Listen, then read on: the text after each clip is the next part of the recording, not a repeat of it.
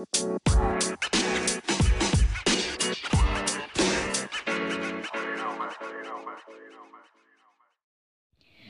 kalian, selamat pagi, selamat siang, selamat malam. Ucapannya disesuaikan aja ya sama kapan kalian mendengarkan podcast ini. Nah, sesuai sama judul yang udah kalian lihat di podcast kali ini, kami akan membahas tentang benchmarking tiga negara dari benua Afrika. Negara apa aja sih itu? Nanti kita bahas bareng ya di materi. Nah, sebelum kita ke materi podcast, gimana kalau kita kenalan dulu?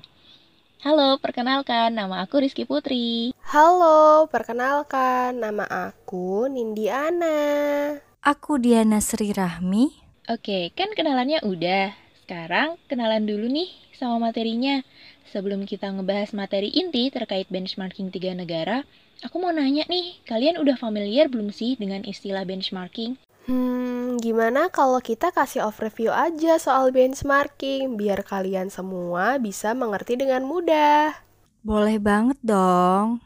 Oke, jadi benchmarking menurut Anderson adalah proses pengukuran secara berkesinambungan dan membandingkan satu atau beberapa negara untuk mendapatkan informasi yang dapat membantu sebuah negara dalam berkembang. Sedangkan menurut Tatterson tahun 1996, benchmarking adalah suatu proses yang membandingkan dan mengukur kinerja suatu negara dengan negara lain untuk mendapatkan mendapatkan keuntungan informasi yang dapat digunakan untuk perbaikan secara kontinu atau terus-menerus. Nah, jadi uh, itu sedikit overview soal benchmarking dari aku. Semoga kalian bisa uh, dapat mengerti dengan mudah ya. Nah, kenalan udah, overview benchmarking udah. Untuk mempersingkat waktu juga, biar podcast ini nggak kepanjangan, gimana kalau kita langsung ke materinya aja? Boleh banget dong. Siapa nih yang mau ngebahas materinya duluan? Hmm, gimana aku dulu? Soalnya aku mau ngebahas Afrika Selatan nih, karena aku tertarik banget sama Afrika Selatan. Boleh banget dong. Boleh lah, masa nggak boleh? Jadi aku mau bahas tentang negara Afrika Selatan. Nah, di masa lalunya itu pemerintahan Afrika Selatan itu bersifat sangat rasis dengan sistem apartheid. Di mana di bawah sistem apartheid ini, sistem pendidikannya itu dirangka berdasarkan warna kulit. Seperti contohnya, pelajar kulit putih memiliki kementerian yang berbeda dan uh, pelajar kulit hitam itu berasal atau berada di luar Bantustan. Tetapi hal ini uh, dirubah oleh pemerintah pada tahun 1996 di mana pemerintah uh, menyusun undang-undang persekolahan. Kurikulumnya pun di, direformasi berdasarkan kurikulum 2005. Anak-anak usia sekolah di tahun pertama diberikan banyak dasar-dasar kurikulum uh, mengenai kewarganegaraan dan demokrasi, di mana kurikulum 2005 ini memberikan tempat bahwa pendidikan kewarganegaraan sebagai hal yang sangat penting dalam pembentukan Afrika Selatan yang baru. Lalu, Sistem persekolahan di Afrika Selatan juga terdiri uh, dari dua macam bentuk. Yang pertama, pendidikan melalui persekolah formal atau education, di mana pendidikan yang pertama ini dilakukan melalui suatu lembaga persekolahan. Pada umumnya, ada yang didirikan oleh negara dan ada juga oleh swasta. Lalu, yang kedua, pendidikan melalui pelatihan atau training. Pendidikan ini dilakukan melalui suatu lembaga, bukan merupakan suatu lembaga persekolahan, tetapi melalui suatu kegiatan pelatihan yang dilakukan seperti pendidikan kejar paket A di Indonesia. Uh, lalu kedua bentuk sistem persekolahan tersebut dijalankan dalam tiga tingkatan. Yang pertama, pendidikan dan pelatihan umum atau dasar. Yang kedua, pendidikan dan pelatihan lanjutan. Yang ketiga, pendidikan dan pelatihan tinggi. Nah, Afrika Selatan ini uh, masuk ke dalam peringkat ke-84 pada sistem pendidikan global. Afrika Selatan menawarkan sistem pendidikan terbaik keempat di negara Afrika dengan skor 58,4. Lalu uh, Afrika Selatan ini anggaran pemerintah untuk untuk pendidikannya sekitar 18% dari total pengeluarannya. Tidak mengherankan mengapa universitas-universitas Afrika Selatan termasuk yang terbaik di Afrika dan bersaing secara global. Uh, untuk tingkat melek hurufnya pun mencapai 94%. Jadi itu sih dari apa ya, keunikan dari Afrika Selatan.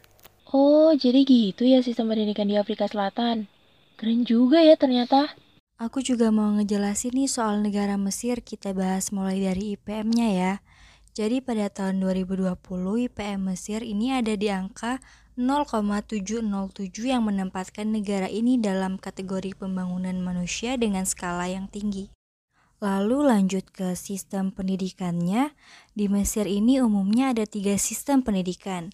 Yang pertama, sistem yang menyelenggarakan pendidikan keagamaan, yakni sistem pendidikan Al-Azhar di Kairo. Di sini pendidikannya mulai dari jenjang TK, SD selama 6 tahun, SMP 3 tahun, SMA 3 tahun, dan perguruan tinggi, baik sarjana maupun pasca sarjana. Sistem yang kedua yaitu sistem pendidikan yang diselenggarakan oleh pemerintah, seperti sekolah negeri, di mana kurikulumnya secara nasional dan sifatnya perpaduan antara keagamaan dan umum. Statusnya resmi diakui oleh pemerintah dan ijazahnya pun memiliki pengaruh bagi dunia akademik sesuai dengan jenjangnya.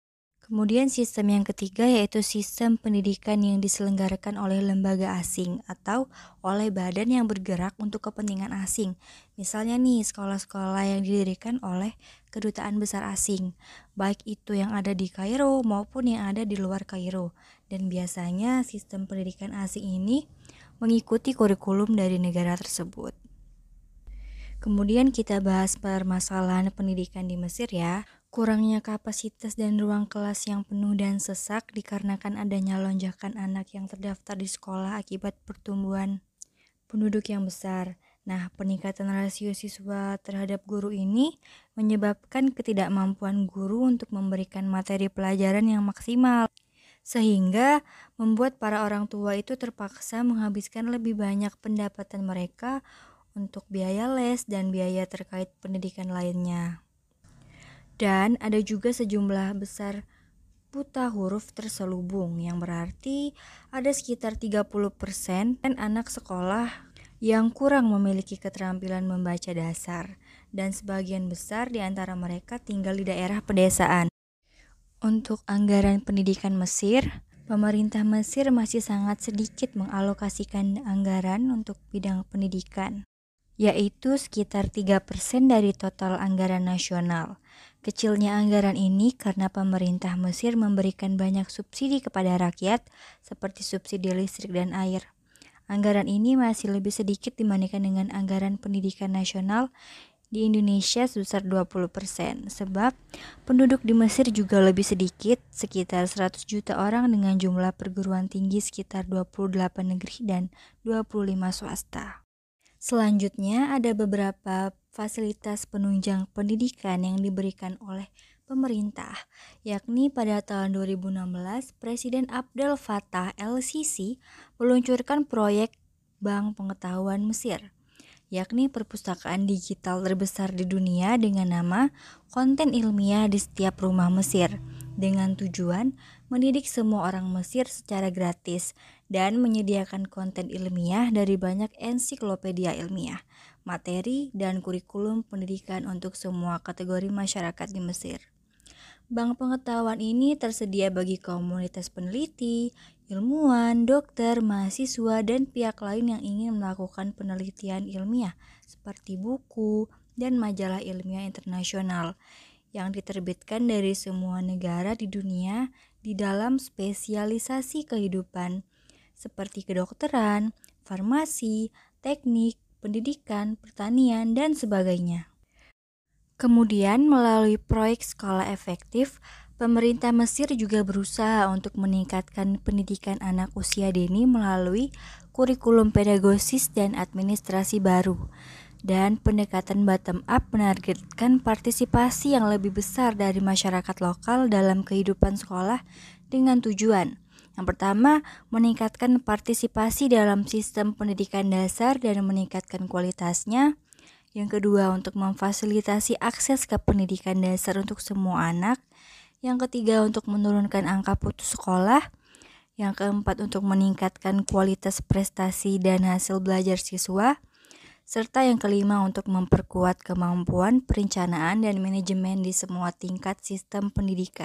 Selanjutnya, selama pandemi COVID-19 ini, apa aja sih kebijakan yang dikeluarkan pemerintah untuk keberlangsungan sistem pendidikannya? Ya, sejak virus COVID-19 ini merebak, pemerintah Mesir ini sudah menjalankan tindak pencegahan demi mengawat penyebaran penyakit, termasuk dengan melakukan penutupan sementara sekolah dan universitas.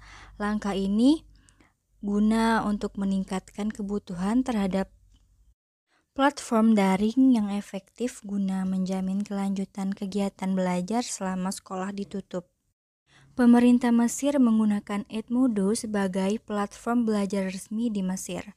Keputusan tersebut diambil berdasarkan kemampuan dan kesiapan Edmodo untuk menciptakan lingkungan menarik yang didukung pembelajaran kolaboratif. Dengan demikian, para guru di Mesir diharapkan untuk mampu berkomunikasi dengan para pelajar dan membagikan materi belajar lewat media daring sehingga kegiatan belajar dapat diakses di mana pun karena penggunaan Edmodo ini cepat dan berskala luas.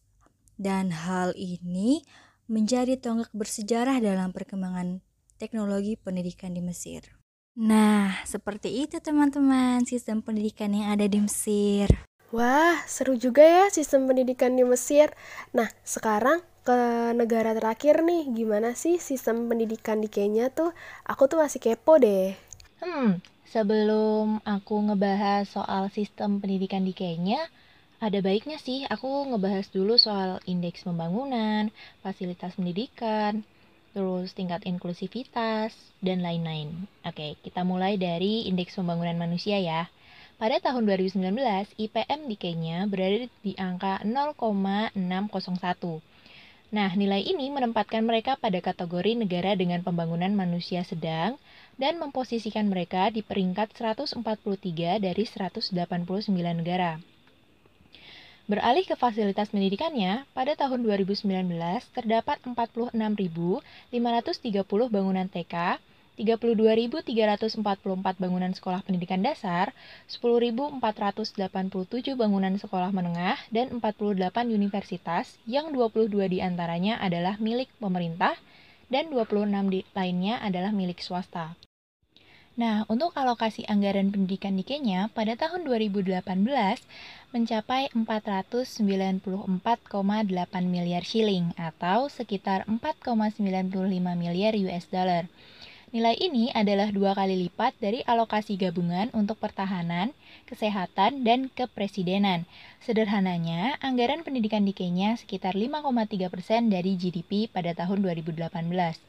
Sedangkan untuk tingkat inklusivitasnya masih terdapat banyak peserta didik berkebutuhan khusus dan cacat yang belum menikmati hasil kebijakan yang telah dibuat. Menurut buklet statistik Kementerian Pendidikan pada tahun 2016, hanya terdapat 222.700 peserta dan 11.400 siswa yang terdaftar di sekolah dasar dan menengah. Ada sejumlah kendala yang dihadapi pemerintah untuk meningkatkan pendidikan kebutuhan khusus di Kenya. Beberapa di antaranya yaitu Pertama, data yang tidak memadai Kedua, pemahaman yang buruk terhadap konsep kebutuhan khusus dan disabilitas di antara para pemegang kepentingan pendidikan. Ketiga, fasilitas yang tidak memadai untuk mendukung anak berkebutuhan khusus. Keempat, buruknya pemeliharaan fasilitas dan alat bantu yang tersedia di lembaga pembelajaran. Yang kelima, kurangnya jumlah guru dengan pengetahuan dan keterampilan prasyarat untuk menangani peserta didik berkebutuhan khusus dan cacat. Keenam, kurikulum yang tidak fleksibel dan yang tidak responsif terhadap kebutuhan peserta didik penyandang disabilitas. E, ke tujuh, kurangnya kebijakan dan struktur untuk perekrutan dan penempatan asisten pendukung, pendukung, pendukung pembelajaran. Yang terakhir adalah kurangnya persiapan guru untuk melaksanakan pendidikan inklusif.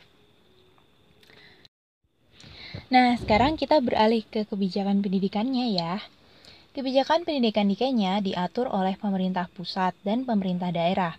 Pemerintah pusat mengatur tentang kebijakan pendidikan, kurikulum, dan juga menjaga standar pendidikan. Juga berkaitan dengan ujian dan piagam hibah ke universitas. Di sisi lain, pemerintah kabupaten diberi mandat untuk mengawasi pendidikan prasekolah, balai latihan vokasi, balai kerajinan rumah tangga, dan fasilitas penitipan anak. Selanjutnya adalah untuk mewujudkan aspirasi pendidikan nasional sebagaimana tertuang dalam UUD dan Visi 2030 yang meliputi numerasi, literasi, life skill, dan industri relevan, berbagai reformasi kebijakan telah digulirkan. Salah satu reformasi kunci adalah pengenalan CBC atau kompetensi based curriculum yang bertujuan untuk menciptakan warga negara yang beretika, terlibat, dan berdaya. Dalam implementasi kurikulum baru, struktur 844 pada akhirnya akan digantikan oleh struktur 2663 yang terdiri dari 2 tahun prasekolah, 3 tahun sekolah dasar bawah, 3 tahun sekolah dasar atas, 3 tahun sekolah menengah pertama, 3 tahun sekolah menengah atas, serta 3 tahun pendidikan universitas. Terus gimana sih kebijakan pendidikan di Kenya selama pandemi? Nah, selama pandemi COVID-19, Kenya mengeluarkan proyek Kenya GPE, COVID-19 Learning Continuity in Basic Education Project. Tujuan pengembangan proyek ini adalah untuk meningkatkan akses ke pembelajaran online dan jarak jauh untuk semua siswa di sekolah dasar dan menengah. Proyek ini juga memfasilitasi transisi yang mulus untuk siswa rentan yang ditargetkan kembali ke sekolah. Proyek ini mencakup tiga komponen. Yang pertama adalah memperluas kesempatan belajar jarak jauh yang ada untuk kelangsungan belajar bagi semua siswa di pendidikan dasar. Kedua, memfasilitasi kelancaran transisi kembali ke sekolah untuk siswa dan perempuan yang rentan ketika sekolah dibuka kembali. Ketiga, koordinasi komunikasi dan monitoring dan evaluasi proyek. Proyek ini diharapkan berjalan dari tanggal 20 Juli 2020 hingga 31 Desember 2021. Proyek ini akan memberikan manfaat sebagai berikut, yaitu Pertama, sekitar 60% siswa sekolah dasar dan menengah dapat mengakses pembelajaran online dan jarak jauh. Kedua, sekitar 150.000 kepala sekolah, guru, dan petugas pendukung, kurikulum yang akan mendapatkan manfaat dari pelatihan guru da dalam pembelajaran online dan jarak jauh. Ketiga, siswa akan mendapatkan manfaat dari layanan dukungan psikososial berbasis online. Yang terakhir adalah orang tua dan pengasuh akan dihubungi dengan tips pembelajaran jarak jauh. Nah, terus gimana sih gap pendidikan di Kenya. Nah, untuk gap pendidikan di Kenya masih berkaitan dengan perbedaan gender. Pada tahun 2019, dijelaskan bahwa Kenya mencapai kesetaraan gender di tingkat sekolah dasar dan menengah. Masing-masing sebesar 0,97 dan 1,00. Namun, ada beberapa catatan, yaitu masih terjadinya disparitas di tingkat sekolah menengah dan prasekolah. Jika dilihat berdasarkan sebaran GPI atau Gender Parity Index di setiap kabupaten pada tahun 2019, maka akan ditemukan tiga kategori, yaitu kategori pertama, terdiri dari kabupaten yang telah mencapai paritas gender. Kategori kedua terdiri dari kabupaten dengan disparitas gender yang mendukung anak laki-laki. Dan kategori ketiga yang terdiri dari kabupaten dengan disparitas gender yang berpihak pada anak perempuan. Nah, berkaitan dengan isu strategisnya, saat ini pemerintah Kenya sedang berfokus untuk menjalankan rencana strategi sektor pendidikan nasional atau NESSP 2018 sampai 2022. Program ini merupakan rencana yang mencakup semua sektor yang menjabarkan prioritas kebijakan program, dan strategi untuk sektor pendidikan selama lima tahun ke depan. NESSP bertujuan untuk mencapai empat tujuan strategis penting untuk pendidikan, pelatihan, dan penelitian, yaitu untuk meningkatkan akses dan kesetaraan, menyelenggarakan pendidikan, pelatihan, dan penelitian yang berkualitas dan berbasis kompetensi, memperkuat manajemen, tata kelola, dan akuntabilitas, dan meningkatkan relevansi dan kapasitas sains, teknologi, dan inovasi atau STNI dalam pendidikan, pelatihan, dan penelitian untuk pasar tenaga kerja. Pencapaian tujuan strategis ini akan berkontribusi pada realisasi aspirasi cetak biru Kenya, visi 2030.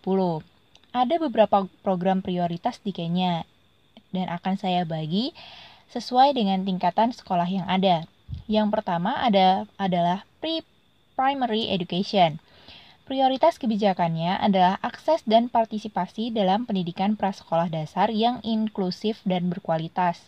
Tujuannya untuk meningkatkan akses dan tingkat partisipasi dalam pembelajaran berbasis kompetensi untuk anak usia 4-5 tahun.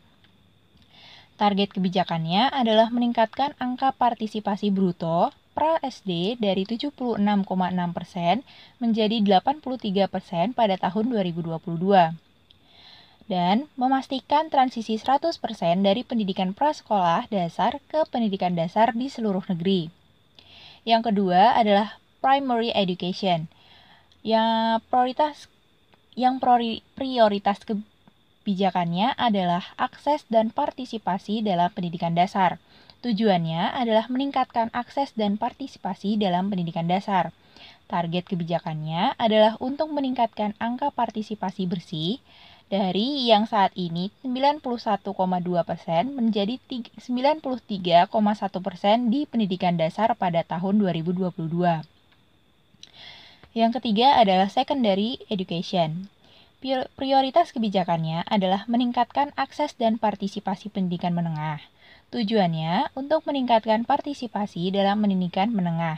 Target kebijakannya adalah meningkatkan angka partisipasi bruto sekunder dari 70,3 persen menjadi 83 persen pada tahun 2022 dan memastikan transisi 100 persen dari pendidikan dasar ke pendidikan menengah. Yang keempat adalah Adult and Continuing Education. Prioritas kebijakannya adalah akses dan partisipasi dalam ACE. Sasaran pen, sasaran sasaran sasarannya adalah meningkatkan akses dan retensi dalam program ICE. Target sasarannya meningkatkan pendaftaran dalam program ACE sebesar 10%. Yang kelima adalah Inclusive Education for, for Learners and Trainers with Disability at Basic Education. Prioritas kebijakannya adalah akses dan partisipasi peserta didik dan peserta pelatihan berkebutuhan khusus dan disabilitas di pendidikan dasar.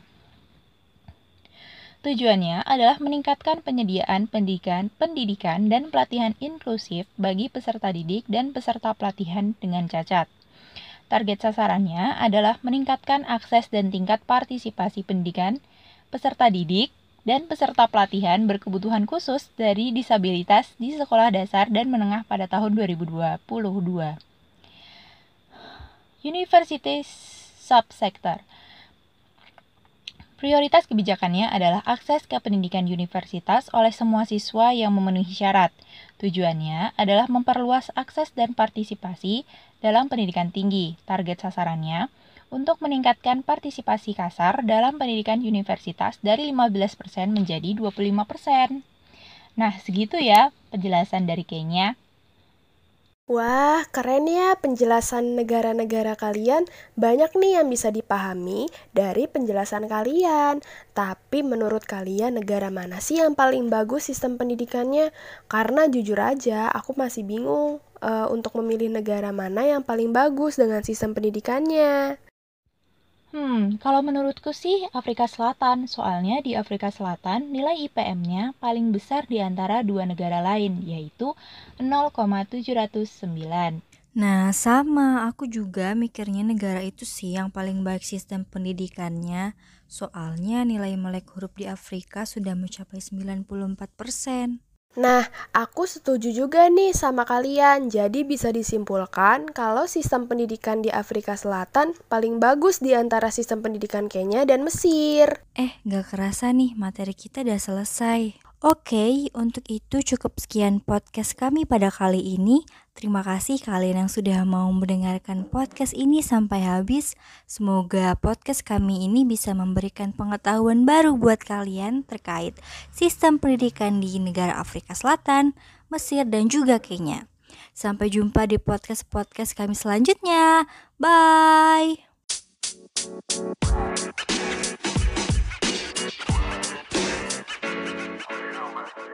you know.